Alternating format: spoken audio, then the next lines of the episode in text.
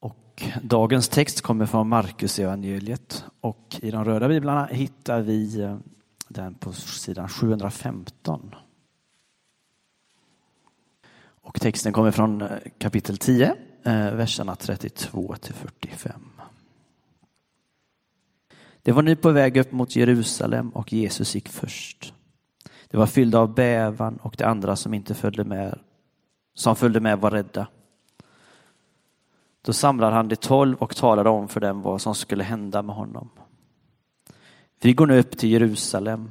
Människosonen skall utlämnas åt översteprästerna och de skriftlärda, de ska döma honom till döden och utlämna honom åt hedningarna som ska göra narr av honom och spotta på honom, prygla honom och döda honom och efter tre dagar skall han uppstå. Jakob och Johannes, Sebedaios söner, gick fram till honom och sade Mästare, vi vill be dig om en sak. Vad vill ni att jag ska göra för er? frågade han.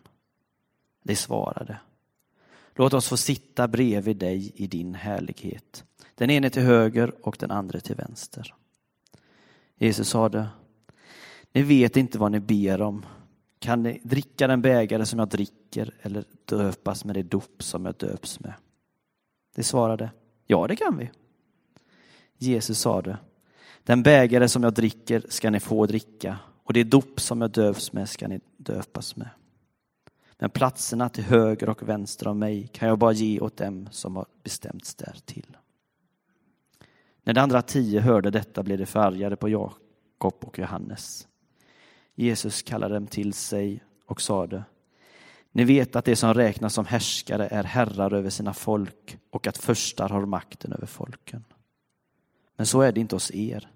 Den som vill vara stor bland er ska vara den andres tjänare och den som vill vara den första bland er ska vara allas slav. Människosonen har inte kommit för att bli tjänad utan för att tjäna och ge sitt liv till lösen för många. Så lyder det heliga evangeliet. Min farfar hette Rudolf och han var född 1902. Samma månad som de elektriska spårvagnarna startade här i Göteborg. Och jag tänker ibland på honom och på den tiden som han levde i. Tänk så annorlunda det var ifrån vår tid. Min farfar, han reste nästan ingenting alls. Hans rörelseradie, den var runt Varberg med omnejd.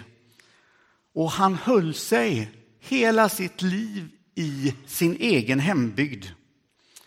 Eh, och för honom så var ju också det här med inflödet av yttre information ganska begränsat. Han läste Hallands Nyheter och så lyssnade han noga på, på vad heter det, eh,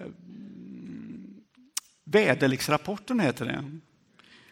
Som en eh, slags livsliturgi. Tyska bukten 12 väst, Kuling 17.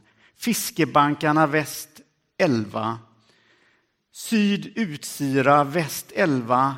Mest god sikt, tidvis skurar. Och så gick han till sin plåtslageriverkstad och arbetade dag ut och dag in. Och när han fick tid över så gick han långa promenader längs havet. Tänk så annorlunda vår tid är om vi jämför med Rudolfs tid. Vi reser mer. Vi får fler intryck in i våra liv som vi måste ta hand om på något sätt. För att inte tala liksom om allt som kommer in av olika budskap i våra liv som hjärnan måste ta hand om och processa. Det är faktiskt eh, inte så, eller det är ganska lätt att känna sig lite vilsen i vår tids förväntningar på hur vi ska vara, hur vi ska leva. Och den där underliggande frågan som ligger hela tiden. Hur ska, hur ska jag nå lycka, hur ska jag nå välgång. Och jag tror att sociala medier, som vi hörde i början här, gör kanske mer med oss än vad vi tror när det gäller hastigheten och trycket in med information. Timmarna flyger iväg. Och jag tycker det här är så märkligt. Jag vet inte, du är säkert inte som jag. Men jag kan ju komma på mig själv att jag sitter och om det finns ett sånt ord, torrskrollar.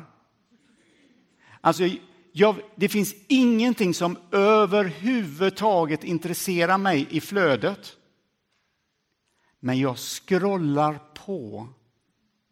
Jag vet att det här är ju helt värdelöst.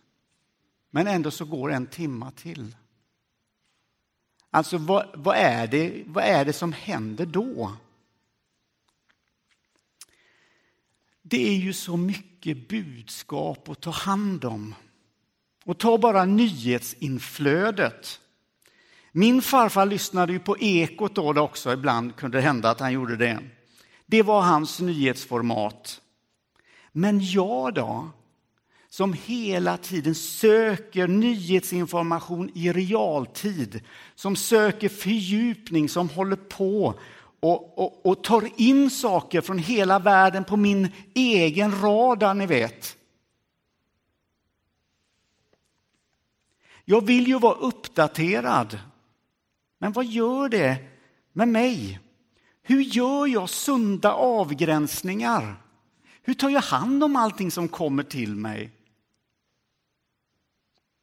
i mitt liv?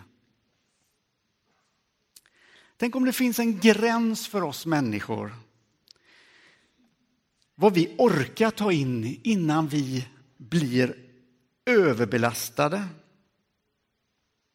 När det liksom är, det inte finns plats för något annat att komma in, därför det är fullt på hårddisken. Det visste ju inte min farfar Rudolf någonting om egentligen. Han hade ju ingen erfarenhet av det här. Han skulle ju faktiskt inte alls förstå ord som informationsöverbelastning. Eller skulle han förstå ett ord som hjärntrötthet? Så då är ju frågan, vad gör vi av allt som kommer emot oss?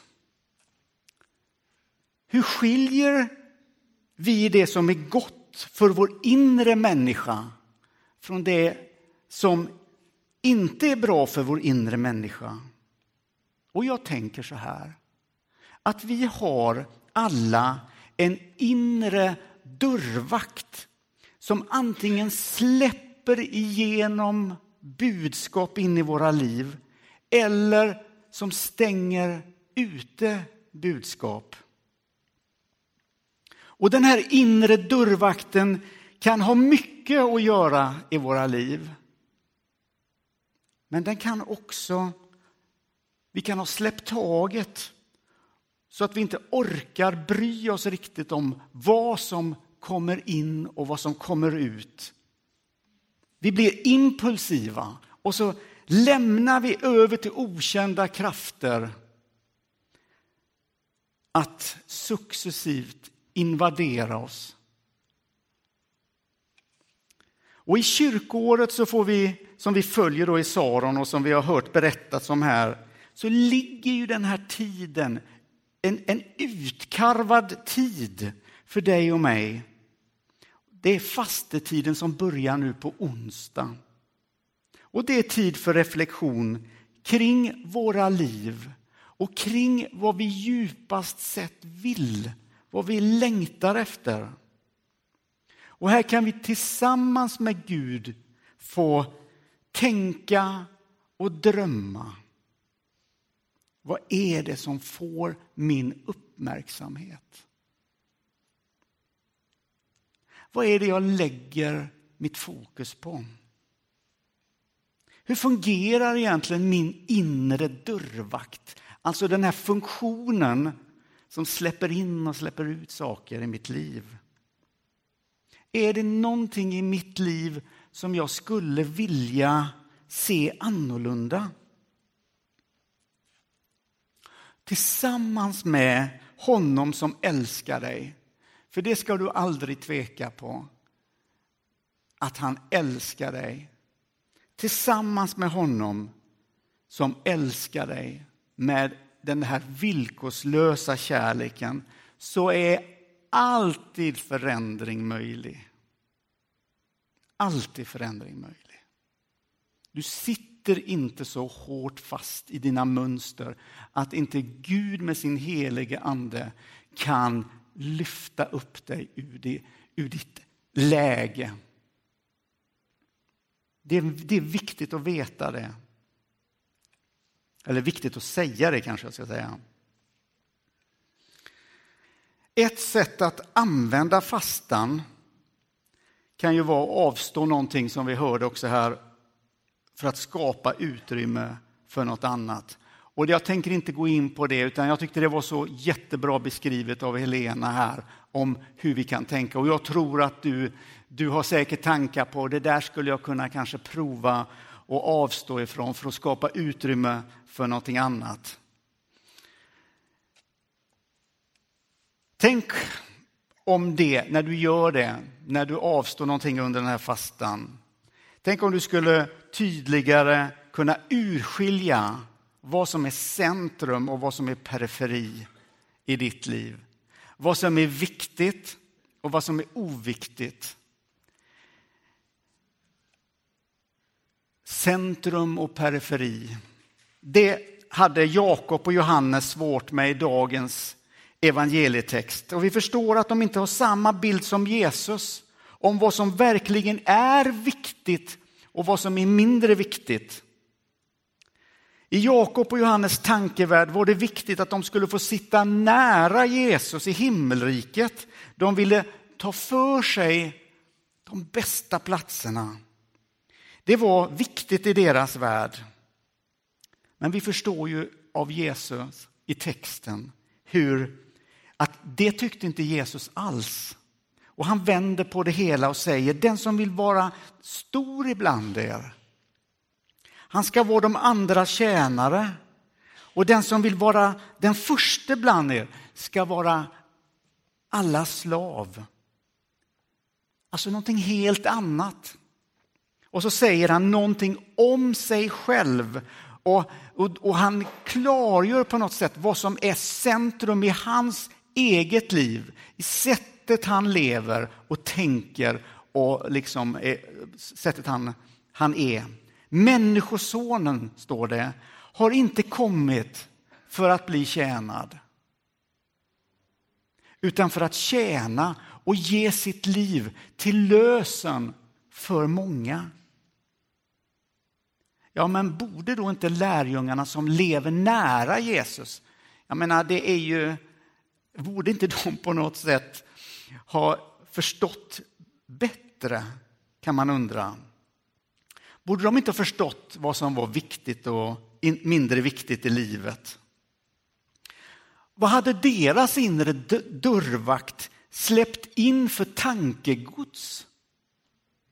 Vad är det här? Som, vad är det som har fått fäste i dem? Och här är ju lärjungarna ganska lika dig och mig. Trots att vi lever tillsammans med Jesus och trots att vi vandrar med honom och vill följa honom så blandar vi ihop det här med vad som är centrum och vad som är periferi i våra liv. Och Jesus är ju alldeles solklar över vad som ska vara centrum för den som vill leva och följa honom. Centrumet är att, att ge kärlek att vara i kärleken. Och när alla yttre impulser når fram till dig från alla håll och kanter och vill distrahera dig med sina budskap och få dig att tänka mest på dig själv och ditt liv. För det är ju så det är. Det är ju väldesignade budskap som kommer till oss som ofta triggar vårt jag. Va? Som ofta sätter jaget i centrum. Du tänker väl på dig själv, är, är den typen av budskap eh, liksom har den typen av eh, ord med sig.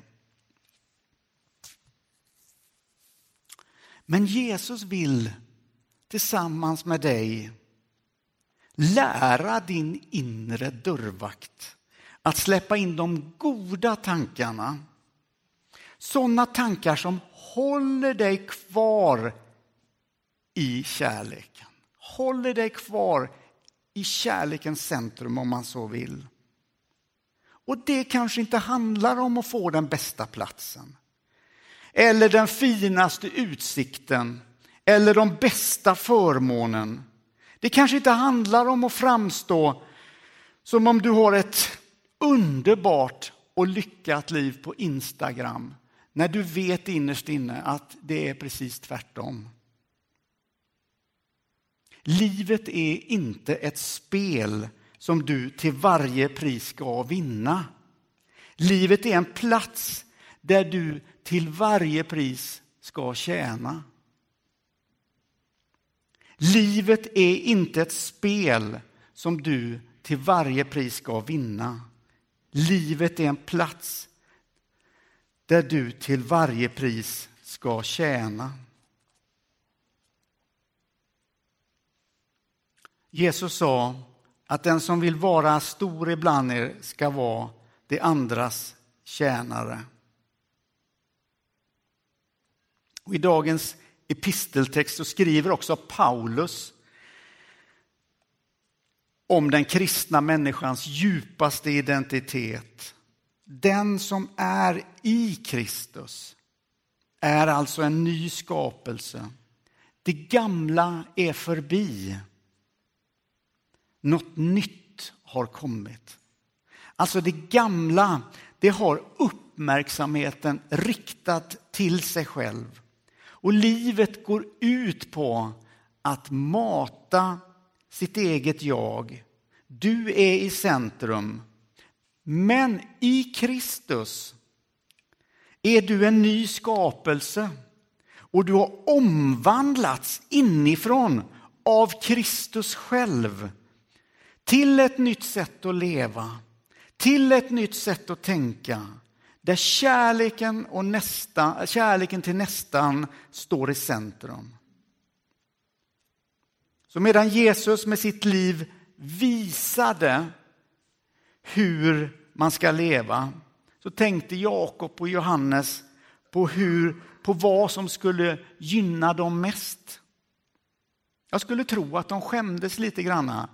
Dels därför att de andra lärjungarna började ju tycka att detta, detta kändes ju lite väl, det kändes inte riktigt härligt detta. Och så. Men sen också när Jesus börjar tala om vad som var viktigt. Va?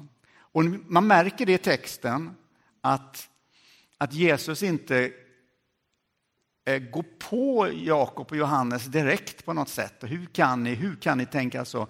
Men har jag inte lärt er? Det finns inget sånt, utan han bara berättar om den utgivande kärleken.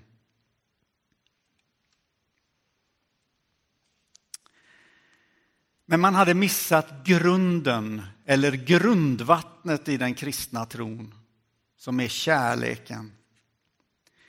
Men som alltid, och jag kan aldrig, jag, jag tycker det är så viktigt att säga detta, va? därför att det är sant och vi har svårt att ta in det. För vi kan bli väldigt självdömande.